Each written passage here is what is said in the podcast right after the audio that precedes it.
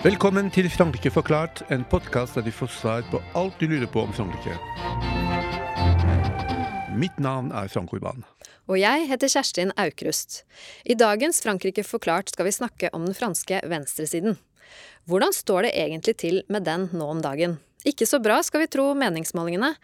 Kan den franske venstresiden, som jo har hatt to presidenter tidligere, finne tilbake til sin gamle storhet? Eller er den dømt til å mislykkes så lenge den fortsetter å krangle internt? Og hva er det egentlig venstresiden krangler om? For å snakke om dette spennende temaet har vi fått med oss Ingrid Grønli Aam. Velkommen. Takk for det. Ingrid er journalist i Morgenbladet og har tidligere jobbet i Klassekampen. Hun har dekket fransk politikk og samfunnsspørsmål i en årrekke, har studert i Frankrike og skrev en master om fransk filosofi ved Universitetet i Bergen. Hun er også forfatter av boka Hjelp, vi er i EU, om den franske venstresida og forholdet til EU, som kom ut i 2018. Ingrid, kan du først definere for oss hva, uh, hva, er det vi snakker om når vi snakker om venstresiden i Frankrike? Uh, altså, hvilke partier har den bestått av i etterkrigstiden og fram til det politiske jordskjelvet i 2017? Ja, historisk sett så har det jo på en måte vært to venstresider i Frankrike. En radikal del, som eh, har vært representert av kommunistpartiet, og en reformistisk, moderat del, som har vært representert av sosialistpartiet. Og det som er litt annerledes i Frankrike enn i Norge, der eh, sosialdemokratene i Arbeiderpartiet har på en måte vært det dominerende partiet på venstresida, så var det jo veldig lenge kommunistpartiet som dominerte venstresida i Frankrike. Eh, rett etter andre verdenskrig så var jo dem f.eks. i ett valg det største partiet, med 28% oppslutning. Og de dominerte i flere tiår, eh, helt inntil Francois Mitterrand tok over ledelsen i Sosialistpartiet på 70-tallet, og etter hvert klarte å finte ut kommunistpartiet. Eh, og han ble jo da den første presidenten fra venstresida i 1981. Og siden da så har det jo bare gått nedover for kommunistene. Eh, og så har det jo blitt en vending igjen etter at Francois Hollande var president fram til 2017 og rett og slett kjørt sosialistpartiet i grøfta. Eh, da var det på en måte en radikal del som kom tilbake igjen, representert ved Jean-Luc Mélenchon, som eh, representerte mm, bevegelsen La France Insoumise, det ukuelige Frankrike, som en slags sånn venstrepopulistisk bevegelse.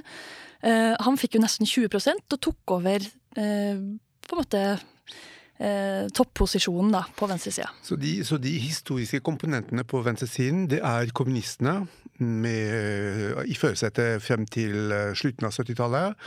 Og så har vi Sosialistpartiet som eh, kommer mer og mer fram i, i rampelyset. De Grønne, har de vært en del av venstresiden, eller har de vært noe, noe annet? De har jo vært det. De har jo, da Lionel Jospin var statsminister eh, på slutten av 90-tallet, så var jo De Grønne med og samarbeida. Eh, de har jo vært et sånn tradisjonelt eh, samarbeidsparti med venstresida. Og har jo egentlig blitt mer og mer sentral i dag, i og med at de har gjort det veldig bra i de siste valgene. Så det er et sånn tradisjonelt støtteparti, og de sier vel også sjøl at de identifiserer seg med venstresida. Du nevnte at i 1981 så ble sosialisten Francois Mitterrand valgt til president i Frankrike, etter at landet da hadde hatt tre eh, enten høyre- eller sentrumsorienterte presidenter. Han satt ved makta i 14 år, og er fortsatt den presidenten som har sittet lengst i Élysée-palasset under Den femte republikk. Hva vil du si var nøkkelen til eh, Mitterrands suksess? Jeg var jo litt fascinert av eh, det som virka som en veldig sånn nøye uttenkt strategi nettopp for å ta over posisjonen fra kommunistpartiet. Um, hvor han jobba over flere år med å få kommunistene til å samarbeide tidlig på 70-tallet. Og hvor han på en måte fikk dem over og inn i forhandlingsposisjon. Uh, og så hvor han da gradvis uh, uh, klart å snakke til også deres velgere da, gjennom å få et mer radikalt program, som jeg ikke egentlig er sikker på at om han nødvendigvis sto for sjøl. Eh, men det var iallfall det radikale programmet han vant på i 81. Eh, og så var han vel også en utrolig karismatisk eh, figur og en sånn typisk en sånn landsfar. Mm. Men han, han, tok også kommunistene med inn i den første regjeringen? Ja. Mm. Men de ble ikke der så lenge? Nei, det var vel bare et par år. Eh, Ikke sant. Mm. Eh, for det var vel et sånt eh, makt Altså du snakket om dette, dette maktskiftet mellom, mellom kommunistpartiet og sosialistpartiet. Eh, hvor da de rett og slett gikk ut av, av Mitterrands regjering som følge av et, et, et linjeskift hos han også. Mm. Det ble jo kalt den store snuoperasjonen i 83. Um, som vel har flere årsaker, men særlig så ble jo det europeiske valutasamarbeidet brukt som en begrunnelse, fordi inflasjonen økt, ble så stor at man rett og slett ikke kunne ta seg råd til den veldig sånn ekspansive politikken som Mitterrand hadde ført. da. I din bok så, så kommer du inn på den perioden, og du du, du, du, nevner, eller jeg forstår i hvert fall, at, at, du plasserer på en måte det store historiske skillet på venstresiden, det moderne skillet, eh, akkurat i den perioden, dvs. Si støtten eller motstanden mot eh, sterkfrankpolitikken. Eh, vil du si at Mitterrands snuoperasjon og, og hva den innebærer for venstresiden, blir avgjørende for, for, for fortsettelsen? Um, ja, altså det er jo et spørsmål om uh, måte, hvordan man skal forholde seg til den globale økonomien. Da, og hva det egentlig er mulig å gjøre for et land som Frankrike. Men um, man oppga jo i alle fall de veldig måte, radikale reformene man hadde satt i gang. Uh, og det som skjer litt sånn parallelt her også, som er en sånn viktig endring, er jo at uh, man egentlig mister arbeiderklassen som velgergrunnlag. Eh, det skjer jo over en veldig lang tidsperiode, men eh, det er jo særlig på en tida her at, eh, at Le Pen sitt det som i dag kalles Nasjonal Samling, gradvis tar over den velgergruppa, mens Sosialistpartiet retter seg mer og mer mot middelklassen, og også for velgere med høyere utdanning. Og det ser man jo også i en måte, at det er en mindre radikal økonomisk politikk, men mer, at man blir mer opptatt av saker som utdanning, f.eks. Eh, men hvis man går litt videre eh, til begynnelsen av 90-tallet, så ser vi at i 1992 så var det hovedsakelig høyresiden som var imot ratifisering av Maastricht-traktaten pga. motstand mot euroen og motstand mot suverenitetsavståelser. Men i 2005 så fikk vi mer konkrete, eh, altså illustrert mer konkrete det skillet på venstresiden ved at EU-skeptikerne de kom hovedsakelig fra venstresiden og Sosialistpartiet, og de var Eh, de var imot den nye traktaten, altså grunnlovstraktaten som eh, president Chirac la fram for, eh, for velgerne. Hva, hva, skjedde på venstresiden mellom 92 og 2005 når det gjelder forholdet til EU, og hvordan dette, og hvordan er for, dette forholdet i dag? Ja, altså det er viktig å ha i mente her at særlig sosialistene var jo sterke pådrivere for EU helt fra starten av, eller for et europeisk samarbeid, og at det er noe som sitter i ryggmargen. Det er et veldig sterkt en sterk europeisk idealisme, rett og slett. Og eh, også hos f.eks. en EU-kritiker eh, e i dag, da, som Melanchon. Han var jo også rundt tida rundt Maastricht-traktaten, så var jo han også veldig sterk pådriver for sterkere, for tettere integrasjon. Og det var jo begrunna med at um, man måtte gå med på, en, på, økonomisk integrasjon for å oppnå politisk integrasjon. Man håpa på et mye tettere politisk samarbeid eh, på europeisk nivå. Og det man kalte et solidarisk EU, da. Eh, og så kan man jo si at EU eh, e har andre aspekter som også er solidarisk, men for sosialistene så handla det særlig De ønska tettere mm, samarbeid når det kom til arbeidslivspolitikk, velferdsgoder, lønnsnivå og sånne ting. Og det jobba de jo for på 90-tallet, men så så de jo at eh, de fikk det ikke til, rett og slett. Det, det gikk ikke. Sosial-Europa, ikke sant, som han snakket om. Ikke sant. Mm. Eh, så de så jo at det kom ikke, til tross for da den eh, økonomiske integrasjonen. Så det var vel en økende skuffelse for rett og slett mulighetene de kunne, hva de kunne oppnå innad i EU, da. Er det fortsatt stor eh, motstand mot EU på venstresiden i dag i Frankrike? Jeg vil jo si at det er en sak som splitter venstresida veldig. Jeg vil si at uh, på jevnt over så er inntrykk av at de fleste ønsker jo et europeisk samarbeid. At det også fortsatt er noen, en idealisme knytta til det. Men at man er veldig uenig om om det skal være dagens EU eller noe annet. da. Og at uh, f.eks.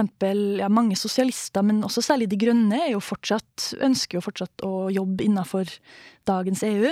Mens sånne som Mélenchon ønsker et helt annet EU, da. Og så er det veldig uklart hvordan det skal foregå. Hans uh, motto er vel uh, 'on la change ou on la quitte'. Altså enten så forandrer man uh, denne unionen, eller så bare forlater man hele skuta. Mm. Så tror jeg kanskje han har forlatt litt den posisjonen i dag. Han ja. har iallfall moderert seg veldig, da. Mm. Men han snakker jo fortsatt om ulydighet, at man skal, man skal ikke man skal desobeyir, altså man skal ikke adlyde, adlyde traktatene, hvis mm. man kommer til makta. Mm. Så kommer vi da til eh, valget i 2017, og allerede i 2016 så hadde jo da denne Emmanuel Macron seilt opp som kandidat til presidentvalget, og samtidig dolket den sittende sosialistiske presidenten Francois Hollande i ryggen, fordi han hadde jo vært en del av hans regjering. Og det som er interessant med Hollande, var at han var jo veldig populær da han ble valgt i, i 2012. Eh, og så ble han altså til slutt så upopulær at han ble den første sittende presidenten som ikke stilte til gjenvalg. Hva gjorde han egentlig galt, og hva kan venstresiden, tror du, lære av hans feil? Eh, ja, til det siste først. Jeg tenker jo at uh, Hollande er et tydelig eksempel på noen ting man kanskje har sett på den franske venstresida, at det har vært et veldig stort sprik mellom retorikk og politikk. At man eh, framstår veldig radikal, eh, men så er det ikke nødvendigvis den politikken man fører. Da. Og, Holland han gikk jo til valg på et sånt veldig radikalt program. Han, han hadde jo annet en sånn toppskatt som han eh, ble veldig kjent for, som et, et, endte opp med å bare fisle ut ingenting. Um, så han gikk liksom hardt ut og skulle liksom være presidenten for privilegienes endelikt, som han sa. Um, men så var det jo ikke egentlig det han gjorde i regjering. Og um, det var jo veldig mange upopulære reformer som han og hans regjeringer sto for. Eh, deriblant arbeidslivsreformene, som førte enorme sosiale protester. Uh, og det var jo også en tid Det var jo etter finanskrisen, og det var jo enorm arbeidsledighet. Sikkert veldig mye frustrasjon. Sånn at jeg tenker jo at han rett og slett ikke klarte å og oppfylle de håpene som han hadde tent. da. En annen ting er jo at han ble valgt også på et løfte, og det var løftet var jo å ta et, opp, et oppgjør med Tysklands valutamakt. Han skulle reforhandle traktatene slik at man skulle ta med hensyn til vekst, blant annet. Eh, og, og det løftet ble det ikke noe av heller etter valget. Han, eh, han la seg flat, egentlig, for, for, Merkel. Jeg tror at det ble også veldig altså, Det er sånn rød tråd med EU-politikken om at dette her, det at venstresiden ikke klarte å ta et oppgjør med det liberale EU, ble jo en kjempeskuffelse blant, blant velgerne. Og, og, internt i Sosialistpartiet så begynte flere medlemmer å hoppe av, eh, eller å, komme imot i opposisjon innad i partiet pga. av det manglende oppgjøret med, med, med, Tysklands på en måte valutamakt i EU. Mm. Det er jo veldig interessant med nettopp EU-saken innad i Sosialistpartiet. For det er jo en sak som har ligget under der hele tida og skapt uro, og, som, og en splid som kom veldig til uttrykk under Hollande. Hvem utgjør venstrekreftene i dag, og hvordan ser du på deres mulighet til å markere seg opp mot eh, presidentvalget i 2022? Eh, kan de samarbeide, er, er løpet kjørt for venstresiden? Vil si at eh, blir det et uunngåelig returoppgjør mellom Macron og, Marine Le Pen, eller kunne man tenke seg en fornyet allianse på venstresiden med kanskje De grønne i førersetet istedenfor sosialistene, som har vært på en måte i førersetet tradisjonelt sett? Hva, hvor ligger mulighetene? Det blir jo et helt utrolig spennende valg. Og det er jo så mange eh, faktorer her som er i spill. Da. Du har jo hatt de gule vestene. Eh, og ikke minst altså, det jordskjelvet 2017 var. Så det blir jo kjempespennende å se hva måte, som blir forlengelsen av det. da. Eh, men så nå en fersk eh, måling som viste at eh, to tredjedeler av de spurte ikke ønsker en ny duell mellom Le Pen og Macron. Så det er jo veldig mange som ønsker et alternativ. Og så kan man jo huske på det at venstresida i Frankrike har jo en sånn ganske stabil velgerbase på sånn 20-25% hvis de klarer å samle seg bak riktig kandidat. Um, men så er det nettopp det å samle seg, da, som er den store utfordringa. De har jo en tendens til å ønske å stille utrolig mange kandidater, så det er kjempemange som ønsker å være liksom, lederskikkelsen på venstresida.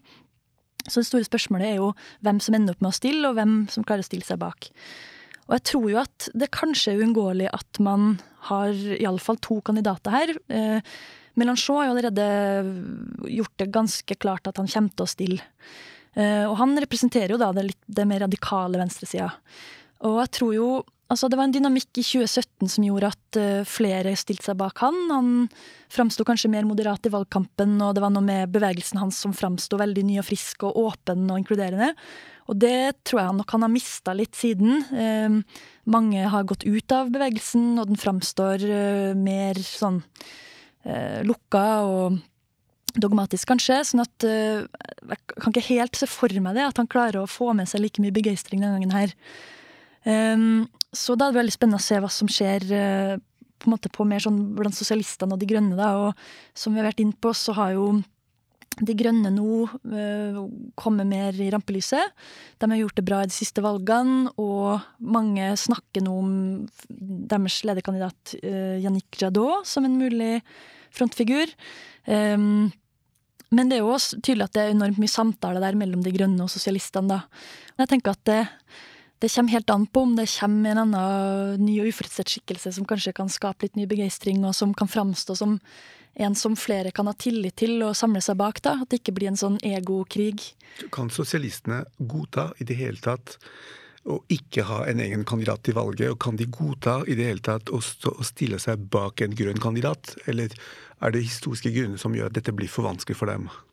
Jeg tror det skal være mulig for dem, eh, særlig nå når man hører partilederen deres, Olivier Faure, som sier at eh, det ikke trenger å være eller i hvert fall antyda det, at det ikke trenger å være han sjøl eller en, en sosialist. da, At det viktigste er samling. Og det er det veldig mange som sier nå. Så man kan jo håpe at de, altså for venstresidas skyld, så kan man håpe at de, de, eh, de faktisk mener det de sier, da.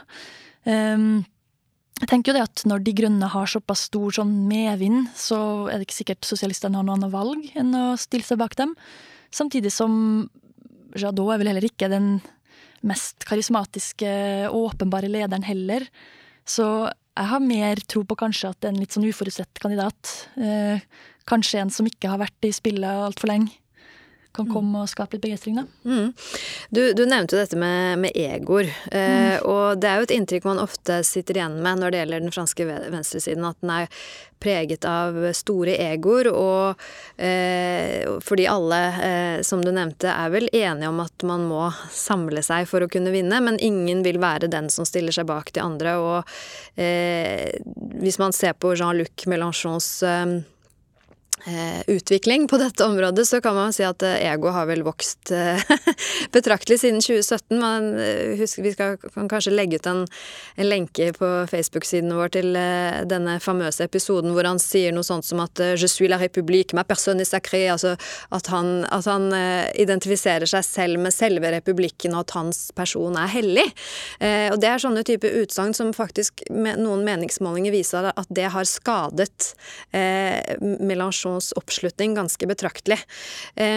Tror du at, at problemet egentlig den, denne det, dette Altså, det at det er så vanskelig for den franske venstresiden å samle seg, er det først og fremst et spørsmål om egoer, eller er det først og fremst et spørsmål om politisk uenighet? Jeg tror egentlig det er begge deler. Ja. Eh, det er jo helt klart noen veldig viktige politiske spørsmål som ligger under her, og som det ikke er enighet om. Vi har vært inn på EU allerede. Eh, og så er det jo på en måte innvandring, eh, sekularisme, som også er et sånt som særlig er i spill akkurat nå. Hvor det er litt ulike holdninger. Og kanskje også til hvordan man skal løse klimaproblemet. Om man skal ha en mer sånn, mer sånn industri- atomkraftverk Om det er det som er den viktigste sektoren, eller om man skal legge dem ned, f.eks. At du har noen sånne viktige saker som skiller her. Men så er det helt klart, uh, helt klart egospørsmål også. Jeg tror jo at Jeg tror personlig at uh, Melanchon kunne ha samla ba flere bak seg hvis han ikke var så splittende. Han har jo tross alt vært sosialist i over 30 år, og er jo ikke så Selv om det var et radikalt program, så um, Ja, så, så kunne kanskje flere ha vært med på det, da hvis at ikke han var så kontroversiell. Mm, med en litt mer ydmyk holdning til tider, så kanskje. Eh, Frank?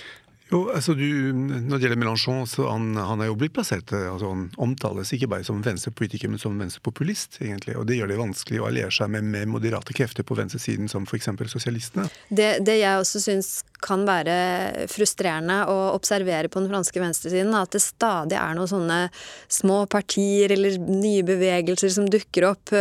Vi husker jo sist da Benoit Hamon tapte presidentvalget i, i, 2017. Han var jo sosialistpartiets kandidat og fikk var det 6,6% eller, eller noe slikt. At han da brøt med sosialistpartiet og dannet sin egen bevegelse Generation. Og så, rett før EU-valget, så kom uh, plutselig Rafael Glucksmann, en sånn uh, filosof slash journalist, og startet en bevegelse som het Place Publique, som skulle være det nye samlingspunktet for venstresiden. Så det er liksom stadig noen som bryter ut og skal starte det nye store. Og jeg tenker at nå blir det altfor mange kokker og for mm. mye søl. Eh, så, så, kanskje Du sier at, at, du venter litt på den nye Messias, på en måte, men, men kanskje Den, den fins. Den heter uh, Lionel Jospin. ja. François Hollande. Ikke sant, fordi nå begynner man å, å få, få, litt sånn gamle storhet-nostalgi på, på, fransk venstreside. Hva, hva har skjedd, Frank? Jeg vet ikke, Det kan ikke være noe godt, godt tegninger til det. Så En måte å drive markedsføring på er jo å skrive bok. Så uh, når François Hollande og Lionel Jospin skriver bøker, uh, så betyr det også at de har tenkt å prege valgkampen, hvis ikke, hvis ikke prøver de å plassere seg politisk som en, en, en, en potensiell kandidat dersom venstresiden ikke kunne bli enige om noe annet. Ehm, det, det, det, det, ser ikke helt bra ut når du må hente gamle, gamle figurer for å representere fremtiden. Nei, det gjør jo ikke det, men samtidig så er det jo et eller annet spesielt i Frankrike òg, med at man har nettopp den der hangen til de der gamle, etablerte skikkelsene. Sånn at uh, det er noe med presidentordningene også, også, som dyrker fram litt de her gamle traverne, er det ikke det? Jo, jeg tenker på, hva, med, hva med kvinnelige kandidater? Altså, de er ikke, heller ikke helt uh, aktuelle nå i år. Altså, hva med Ségolène Royal? Jo, hun prøver jo stadig å selge seg selv inn, hun. ja. Anne Delgaard i Paris er jo en, en mulig kandidat, kandidat da. Ja. Hun er jo populær i Paris. Uh, ja. i Men Ingrid, hvis Macron-tilhengerne er såkalte globalister, eh, og Nasjonal Samling-tilhengere er nasjonalister, hva kan en fornyet venstreside være, og hvordan vil en plassere seg i forhold til Macron og Le Pen? Altså, Fins det i det hele tatt politisk rom for en fornyet venstreside? Nå vet vi at Macron prøvde, og han ble valgt første gangen, med å både være venstre og høyre. Han har beveget seg til høyre i de årene som fulgte. Så det er kanskje, med, det er kanskje et rom nå på venstresiden. Men, men hvilket program? Hvilke ideer? Ja, altså Man skal huske på det at uh, Macron fikk vel nesten halvparten, uh, halvparten, av sine velgere fra altså Hollands gamle velgere da, fra 2012. Sånn at uh, det var jo ganske mange som stemte på Macron som trodde han skulle være mer til venstre. Sånn at, og dem vil jeg jo tro er ganske skuffa nå, da. Ja, de har tapt.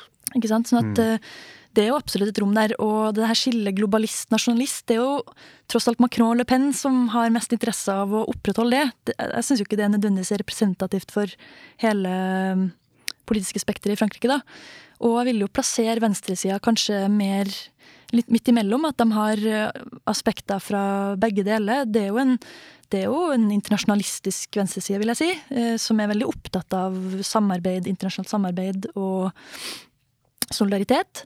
Eh, samtidig som du også har eh, sånn mer sånn proteksjonistiske tendenser. At man er opptatt av å F.eks. Mélenchon er jo veldig opptatt av å måtte mer bevare eh, fransk industri eh, osv. Der har du en kandidat som Arnaud Montebourg, eksempel, som er en tidligere sosialist som kan finne på å kom tilbake og lansere seg sjøl som kandidat. Han er veldig opptatt av akkurat det der, da. Jo, men han, han har begynt med honning, eh, å lage honning, han, så han har nok med okay. det. men, men, det du snakker om nå, det er jo Macrons nye etatisme eh, etter koronakrisen, så det blir veldig vanskelig. Ja, det er sant. Eh, altså, hva kan kandidatene gjøre når Macron dekker hele, hele det moderate spekteret, på en måte? Der har du klima, da. Det er jo en sak de definitivt kan markere seg på og som helt klart bør bli viktig for venstresida neste gang. Det er jo på en måte en Der kommer du jo ikke unna internasjonalt samarbeid. Mm. På slutten av hver episode ber vi vår gjest om å komme med en fransk anbefaling. Eh, hva er din anbefaling til våre lyttere, Ingrid? Ja, jeg tenkte det er jo veldig fint når man skal følge med på fransk eh, politikk og samfunnsliv, så er det jo fint å få seg en vane. Sånn at man ikke trenger å lese og få med seg absolutt alt, men man, liksom, en ting man kan følge med på. Og da har jeg et tips, og det er Vår podkast, mener du? Den også, definitivt. Først og fremst.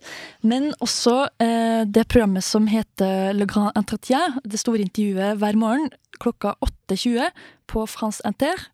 Eh, som er et litt sånn som Politisk kvarter eller Dagsnytt 18 i Norge, der det alltid er én gjest eller flere, fra, gjerne fra politikk eller, eller, det kan være en kulturpersonlighet også, som snakker om en veldig aktuell sak. Og det er et utrolig fint program å følge med på for å få med seg hva som skjer, og egentlig også bli kjent med fransk samfunnsliv.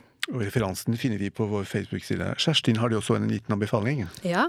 I tillegg til at jeg selvfølgelig anbefaler Ingrids bok 'Hjelp, vi er i EU', så vil jeg også anbefale en fransk historiker som heter Michel Winock. Han har skrevet veldig mange bøker om fransk politisk historie, ikke minst om venstresiden, og jeg anbefaler derfor hans bok 'La gauche en France', som gir en god oversikt over den franske venstresidens turbulente historie fra perioden etter revolusjonen til begynnelsen av vårt århundre. Da det bare å takke vår gjest Ingrid Grønli Aam, så høres vi snart igjen i neste episode av Frankrike forklart. Au revoir. Denne podkasten er et samarbeid mellom Universitetet i Oslo og Høgskolen i Østfold. Abonner på Frankrike forklart på iTunes, Spotify eller på andre plattformer der du lytter til podkast. Har du kommentarer til oss eller forslag til temaer vi bør ta opp, kan du sende inn det via vår Facebook-side Frankrike forklart. Her vil du også finne informasjon om dagens episode.